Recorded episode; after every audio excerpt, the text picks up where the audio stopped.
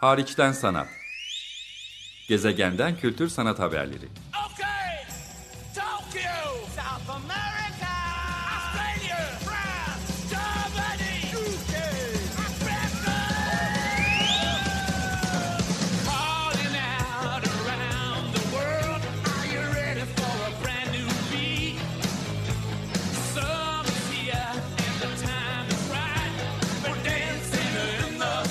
Hazırlayan ve sunan Çelenk Bafra.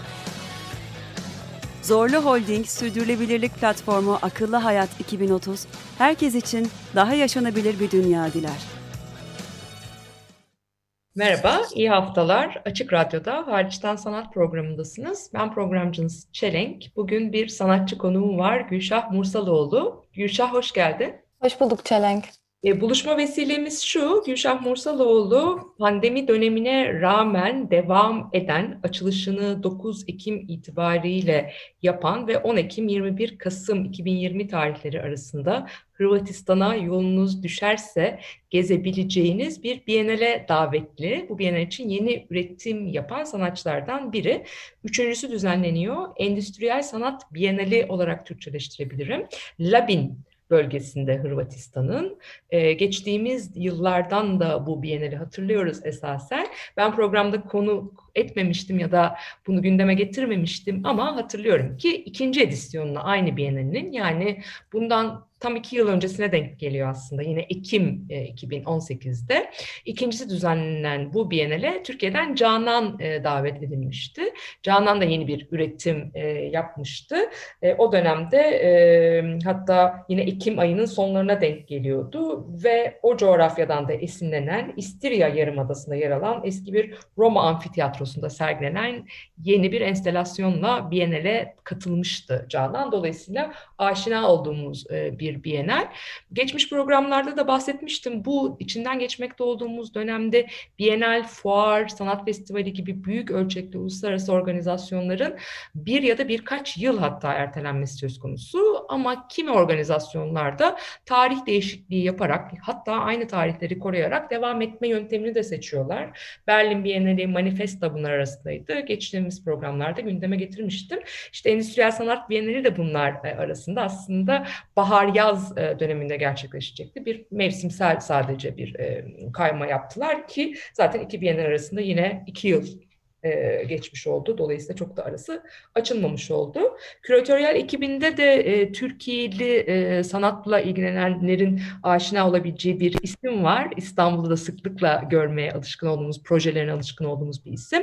Christian e, Oxeneus. Dolayısıyla ona da selam gönderelim ve onu da analım. Ama Branka Bencic ve e, Gerald Metz de e, ortak küratörler arasında üçlü bir küratöryel ekip var. Right Into the Sun başlığıyla düzenlenen bir bienal ve e, Türkiye'den Gülşah Mursaloğlu e, katılıyor bu Biennale. 21 Kasım'a kadar da Labin'de eğer yolunuz oralara böyle zor da bir dönem olsa düşerse e, gezebilirsiniz ya da hakkında internetten bilgiler edinebilirsiniz. Gülşah'ın da yeni çalışmalarına rastlayabilirsiniz. Gülşah şuradan başlayalım mı? Bu Biennale'den nasıl haberdar oldun? E, nasıl bir davet aldın? Nasıl gelişti bu e, proje geliştirme süreci? Oradan başlayalım isterim. Ee, tabii bu Biennale'deki yeni üretimim üzerine biz Christian'la yaklaşık bir buçuk senedir çalışıyoruz. İlk başta tabii ki onların kendi aralarında, küratörlerin kendi aralarında çalışmalarından sonra Christian zaten İstanbul'dan tanıdığım ve e, ara ara stüdyo vizit yaptığım biriydi. E, pratiğimle de aşina olduğu için Biennale'in kavramsal çerçevesi çıktıktan sonra e, beni davet etti. E, sonra projeyi geliştirdim geliştirme Ben kafamdakileri onunla anlattım ve Kasım 2019'da geçen yılın sonunda e, bir site visit yaptık. Beraber Hırvatistan'a gittik.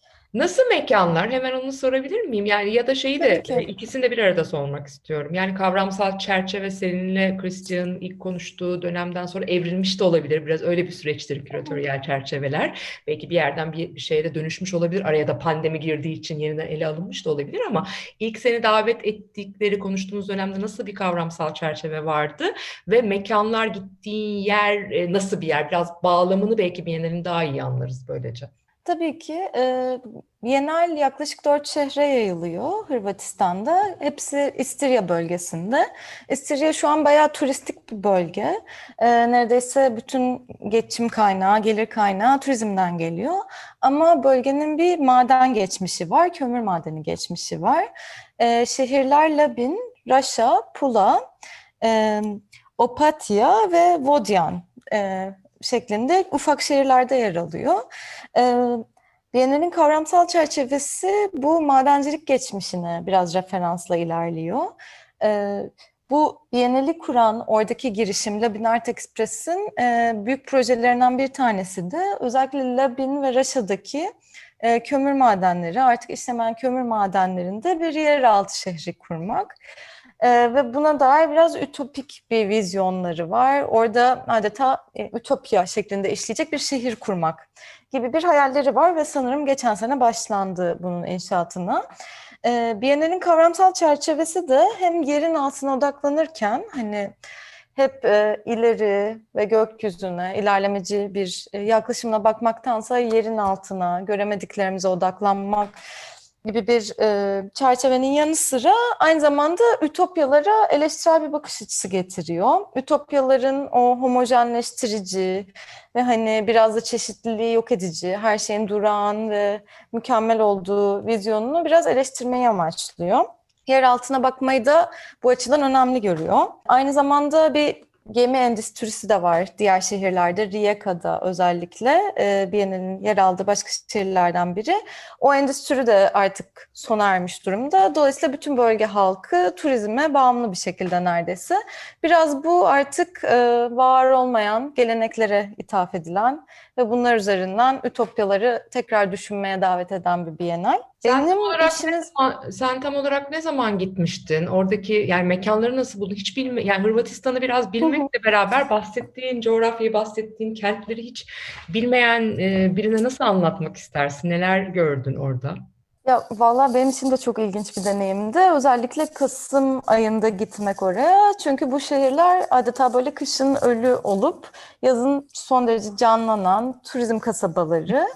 E, dolayısıyla mekanlar da çok ilginçti. Böyle e, Canan'ın işinin sergilendiği mekandan bahsettin. O mesela e, sanırsam e, Pula'da antik bir tiyatro. Ve böyle hani adeta ölü bir şehri gezmek gibiydi. Çok az insan vardı. Benim işimse Raşa'da, gene bu kömür madenlerinin olduğu bölgede e, o dönem madencilerin kullandığı kantinde gerçekleşecek. E, bu maden madenciler için yapılan, özel olarak yapılan tesisteki kantinde. E, ve bu kantin de senelerdir aktif değil. Dolayısıyla mekanların kullanılacak mekanların çoğu atıl mekanlar. Bienal için tekrar elden geçiriliyor. E, ya da böyle kiliseler gibi ibadet yerleri, ee, o açıdan çok enteresan. Yani mekanların hiçbiri böyle alışa geldiğimiz mekanlar değil.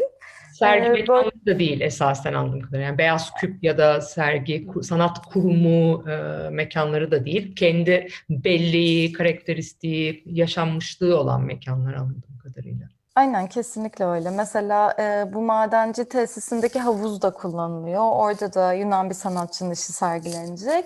E, sanırım böyle beyaz küp ya da sergi mekanı olarak e, tasvir edebileceğimiz tek mekan Rijeka'da, Rijeka'daki Sanat Müzesi kullanılacak. Onun dışında bütün mekanlar daha alternatif bölgeler, alternatif mekanlar.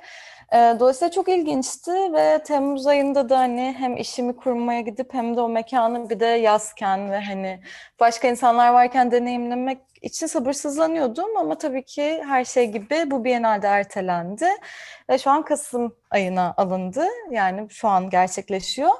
Ee, ama yani uzaktan kuruyoruz şu an. Bu şekilde bu sene maalesef her şeyde olduğu gibi bunda da bir takım esneklikler gerekti.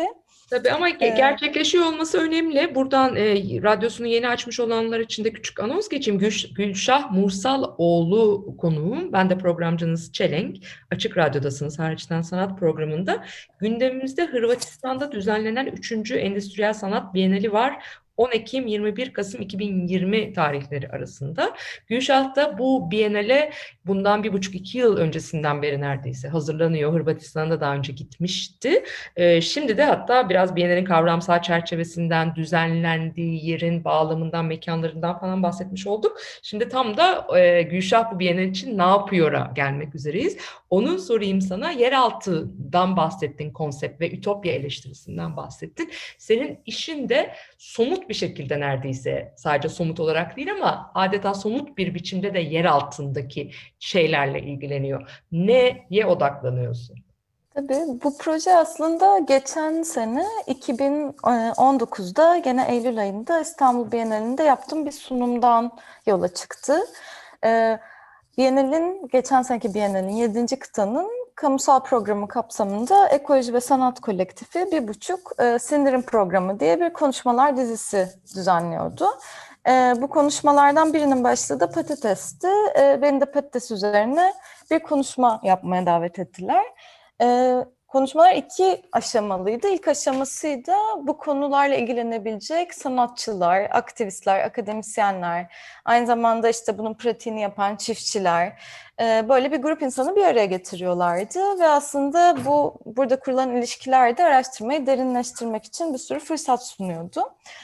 2019 e, yazı benim için o yüzden biraz böyle patates üzerine okuyarak, araştırarak, o toplantıda tanıştığım Berin Ertürk'ün çiftliğine giderek e, biraz böyle patatesi anlamaya çalışarak geçti. E, ben pratiğimde genel olarak malzemenin dönüşümü, e, maddesellik üzerine çalıştığım için daha önceki e, araştırmalarımdan bir şekilde e, patatesin polimerlerinden plastik üretilebildiğini, biyoplastik üretilebildiğini denk gelmiştim. Hı-hı. Ve bu araştırmak istediğim bir şeydi. E, dolayısıyla bu proje bana biraz e, bu fırsatı verdi diyebilirim. E, İşin ismi A Collection of Occurrences in Terrestrial Sequences. Türkçeleştirmemiz gerekirse yeraltı dizilimlerinde bir takım oluşumlar diyebiliriz. Ee, Raşa'da gösterecek yerleştirme yer altından iki aktörü bir araya getiriyor. Bunlar da patates ve çamur. Ee, bunları yan yana getirmek benim şu açıdan ilgimi çekiyor. İkisinin de çok farklı zamansallığı var. Ee, örneğin çamur seramik olarak pişirildiğinde insan ömründen çok daha uzun yaşayan e, bir obje, bir madde. E, patates ise e, patatesin yolculuğunu araştırmalarla e, takip edince, biraz o izleye bakınca 16. yüzyılda patates ilk Avrupa'ya geldiğinde diğer sebzelerden farklı olarak daha uzun süre muhafaza edilebilmesiyle soğuk bir alanda e, daha uzun saklanabilmesiyle öne çıkıyor. Tabii ki başka özellikleri de var. Örneğin e, çok büyük bir kalori kaynağı olması. E, aynı şekilde çok kolay yetişiyor. Göçer topluluklar hemen ekip hemen ürün alabiliyorlar. Ama şimdi önceden daha uzun yaşamasını, uzun var olmasını istediğimiz patatesin polimerlerini petrol yerine patates polimerleriyle biyoplastik üretmeye çalıştığımızda bu sefer patatesten istediğimiz şey yerin altından çıkıp çok hızlı bir şekilde işlevini doldurup hani bu bir plastik poşet olabilir, çatal bıçak olabilir. E, sonra toprağın tekrar toprağa geri dönmesi. Yani dolayısıyla patatesten bu mütevazı sebzeden beklentimizde oluşan değişiklik aslında e, iklim kriziyle beraber bu geçicilik ve kalıcılık kavramlarıyla kurduğumuz ilişkinin de zorunlu olarak değiştiğini gösteriyor. E, yerleştirmede bu iki yeraltı aktörü farklı zamansallıklarda bir araya geliyor. E, çamur e, seramik olarak pişmiş ve hani e, çok uzun süre yaşayacak çömlekler olarak beliriyor. Patates ise biyoplastik formunda sergileniyor. E, bu iki öğenin arasında su ve ısı e, adeta bunların arasındaki iletişimi sağlayan faktörler olarak Peki, var oluyor. olmazsa olmaz öğeler tabii. Aynen. Aynen hem de yerin altında aslında onların arasındaki iletişimi sağlayan da bir şey. E, dolayısıyla çömleklerin içinde e, sular kaynıyor, su ısınıyor. E, ve yukarıdan çömleğin üzerine gelen plastik yavaş yavaş çözünüyor sergi süresince. E, önce zayıflıyor ve muhtemelen yavaş yavaş tamamen çözüleceğini düşünüyorum ben. E, ama serginin sonunda göreceğiz sanırım asıl neler olacağını. Dolayısıyla hani devam eden bir yerleştirme, zamana yayılacak bir yerleştirme. Senin bütün sanat pratiğinde neredeyse de bunu görüyoruz değil mi? Aynen. Herhangi bir şey tamamen kapanıp tamamlanıp e, sergilenmiyor da süreçte dönüşüyor, e, değişiyor, bazen yok oluyor, bazen senin bile bilmediğin, beklemediğin başka bir şeye evriliyor diyelim. Dolayısıyla bunda da göreceğiz. Sen tabii kurmaya gidemeyeceğini az önce vurguladın ama günümüzde pek çok sergi eskiden de olduğu gibi aslında uzaktan.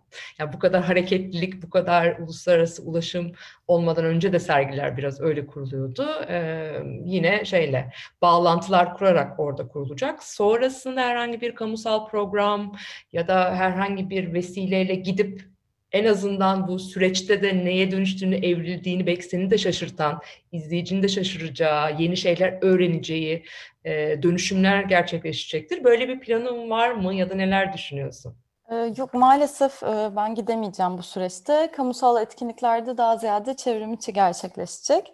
Aslında hani onlar için de eminim tuhaf bir tecrübe yani sanatçıların yüzde seksenin doksanının orada olmaması. Ee, Dolayısıyla hani işin içinde benim bütün işlerimde böyle bir şeyleri kontrol etme, sonra kontrolü bırakma hali var. Bu biraz kontrolün her şekilde uzakta, başka bir yerde yaşandığı bir süreç. O yüzden ben de merakla bekliyorum sonuçlarını. Şunu da sormak istiyorum sana yani çamurdan da e, bahsettiğin ve vurguladığın için geçtiğimiz yıl sen tam da seramiğe odaklanan yurt dışında bir misafir sanatçı programı, bir stüdyo programına katılmıştın. Orada malzemeye dair öğrendiğin şeyler olsa gerek. Aynı zamanda e, bunu kavramsal olarak da farklı şekilde düşünmeye başlamışsındır. Eminim bu yerleştirmeye bunun katkısı var. O program hakkında ya da oradaki deneyimin hakkında da konuşmak ister misin? Tabii ki o program aslında e, son derece yani önemli bir öğe oldu bu yerleştirmede. Çünkü bahsettiğim seramik çömlekler orada üretildi. E, programın e, oradaki residency'nin ismi e, Sunday Morning diyorlar kısaca ama uzun ismi European Ceramic Work Center yani Avrupa Seramik Merkezi gibi düş- düşünebiliriz. Kocaman bir seramik fabrikası Hollanda'nın güneyinde. E, Oosterwijk şehrinde. Yani küçücük aslında bir köy kasaba da diyebiliriz. E, her sene 50 kadar sanatçı ağırlıyorlar. E, her sanatçı 3 ay kalıyor ama sanatçıların zaman dilimleri farklı oluyor. Yani siz oraya gittiğinizde başka sanatçıların rezidansilerinin sonu oluyor. Ya bu şu açıdan önemli özellikle bu formatta. E, sanatçıların %90'ı seramik bilmeyen, gelenekten gelmeyen, bu eğitimi almamış sanatçılar. Ee, bunu tercih etmelerinin sebebi de hani seramik çok fazla kuralı olan bir şey. Hani neyin yanlış, neyin doğru gidebildiğini öğrenmeniz gerekiyor biraz. Hem fasiliteyi, hem malzemeyi. E, bunu bilmeyen, dolayısıyla hani hem onları hem malzemeyi zorlayabilecek sanatçıları tercih ediyorlar. Dolayısıyla ben de bu yerleştirme kapsamında çok basit bir fikirle gittiğimi düşünmüştüm bu programa. Ama son derece komplike bir hale geldi. Ee, bu yerleştirme kapsamında altlarındaki elektrik ocaklarla içinden su kaynatacak seramik çömlekler yapmak istiyordum. Ee, orada önce uzun uzun hiçbir şeye de hayır dememeyi tercih ediyorlar. Çünkü hani bütün e, işte bütün vizyonları bu yönde. Hani nasıl yapabiliriz, yapabilir miyiz? Ee, yani bana uzun uzun hani seramik e, lokal bir noktadan e, ısıya maruz kalınca çatlar. Çünkü hani e, eşit bir şekilde alması gerekiyor. Dolayısıyla hani evde de yapıyoruz, ocak üstünde kullanmıyoruz gibi hani önce basit bir şekilde açıkladıktan sonra okey biz bunu nasıl yapabiliriz diye konuşmaya başladık. Ve aslında seramiği buna ikna etmek için yani çamuru böyle e, bu termal şoka girmemeye ve hani o dirence sağlamasını ikna etmek için gene yer altından bir sürü şey eklemek gerekti çamurun içine. Bunlar da lityumdu, demirdi. Bunları farklı oranlarda denedik. Yani üç aya yayılan bir süreçti. Benim için de çok enteresan bir süreçti. Hani çünkü termal şoka girmek ne demek? Bir malzemeye e, başka şeyleri koyup onu normal olmayan bir özelliğine zorlamak ne demek? E, özelliği kazanmaya zorlamak ne demek? Çok enteresan bir süreçti ama bu süreçte de hani çok fazla ham maddeyle çalışma fırsatım oldu.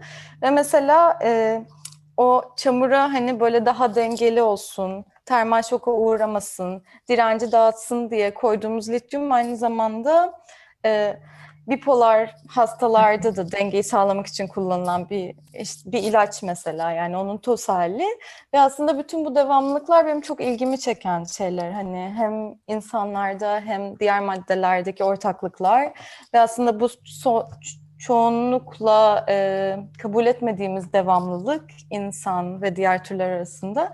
Ya bunları da gözlemlemek açısından çok enteresandı. Hem de hakikaten uzun bir deney süreciydi ama sonunda hani e, bu dirence sahip çömlekler üretmeyi başardım. Bunlar da e, fırından çıkar çıkmaz Hollanda'dan Hırvatistan'a gittiler. Şimdi oradalar. Sen on, sen onları tekrar görebilecek misin? İşin herhangi Türkiye, Türkiye'ye geri gelmesi söz konusu mu? Çünkü buradan hatırlatalım 21 Kasım'da kapanıyor. Belki Aynen. uzar o ayrı ama şimdilik yıl sonundan önce tamamlanacak bir Bienal'den bahsediyoruz. Üçüncü Endüstriyel Sanat Bienali. Ee, geri dönmesi söz konusu mu? Senin on, sen onları ne zaman görmeyi tekrar planlıyorsun? Ben onları maalesef bir gün görebildim gerçekten fırından sonra. Dolayısıyla görmek için sabırsızlanıyorum. Biennial'in bitiminden sonra inşallah Türkiye'ye doğru yola çıkacaklar diye umuyorum. Harika. Peki Ride into the Sun başlığıyla düzenlenen e, bir Bienal bu. Başlıkla ilgili bir fikrin var mı Gülşah? Nereden çıkmış bu başlık ya da kavramsal çerçeve? Böyle bir diyaloğunuz olmuş muydu küratörlerle? Tabii başlık da çok enteresan. Başlık bir Velvet Underground şarkısından geliyor. Ve hani şarkıdaki o yolculuk ve hani güneşe gitmenin, hani gene gökyüzüne bakmak üzerinden ele alıyorlar. Ee, ama benim bu işte işleri ürettiğim, büyük kısmını ürettiğim Hollanda'daki programın ismi Sunday Morning. O da bir Velvet Underground şarkısından geliyor. Dolayısıyla enteresan bir e, bir böyle tesadüftü benim hayatımda da o dönem. Dinlediğin bir grup mudur Velvet Underground? Evet ama yani bu kadar detaylı bakmamıştım. Gerçekten bir anda böyle referanslarıyla etrafımı sardı diyebiliriz. Tamam harika. Bakalım o zaman programı burada kapatalım seninle. Ee, eğer biraz vakit kaldıysa buradan rica etmiş olayım. Velvet Underground çalarız belki Açık Radyo'da Tamam. programın sonunda. Tamam. Vallahi Ride into the Sun'ı çalsak süper olur. Tamam harika. Gülşah çok teşekkür ederim. Ben teşekkür ederim Çelenk. Hoşçakalın. Hariçten sanat. Gezegenden kültür sanat haberleri.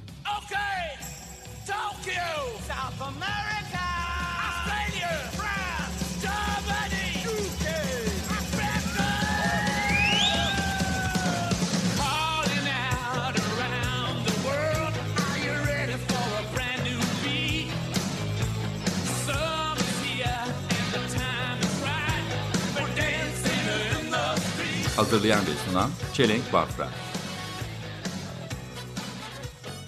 Zorlu Holding Sürdürülebilirlik Platformu Akıllı Hayat 2030 sundu.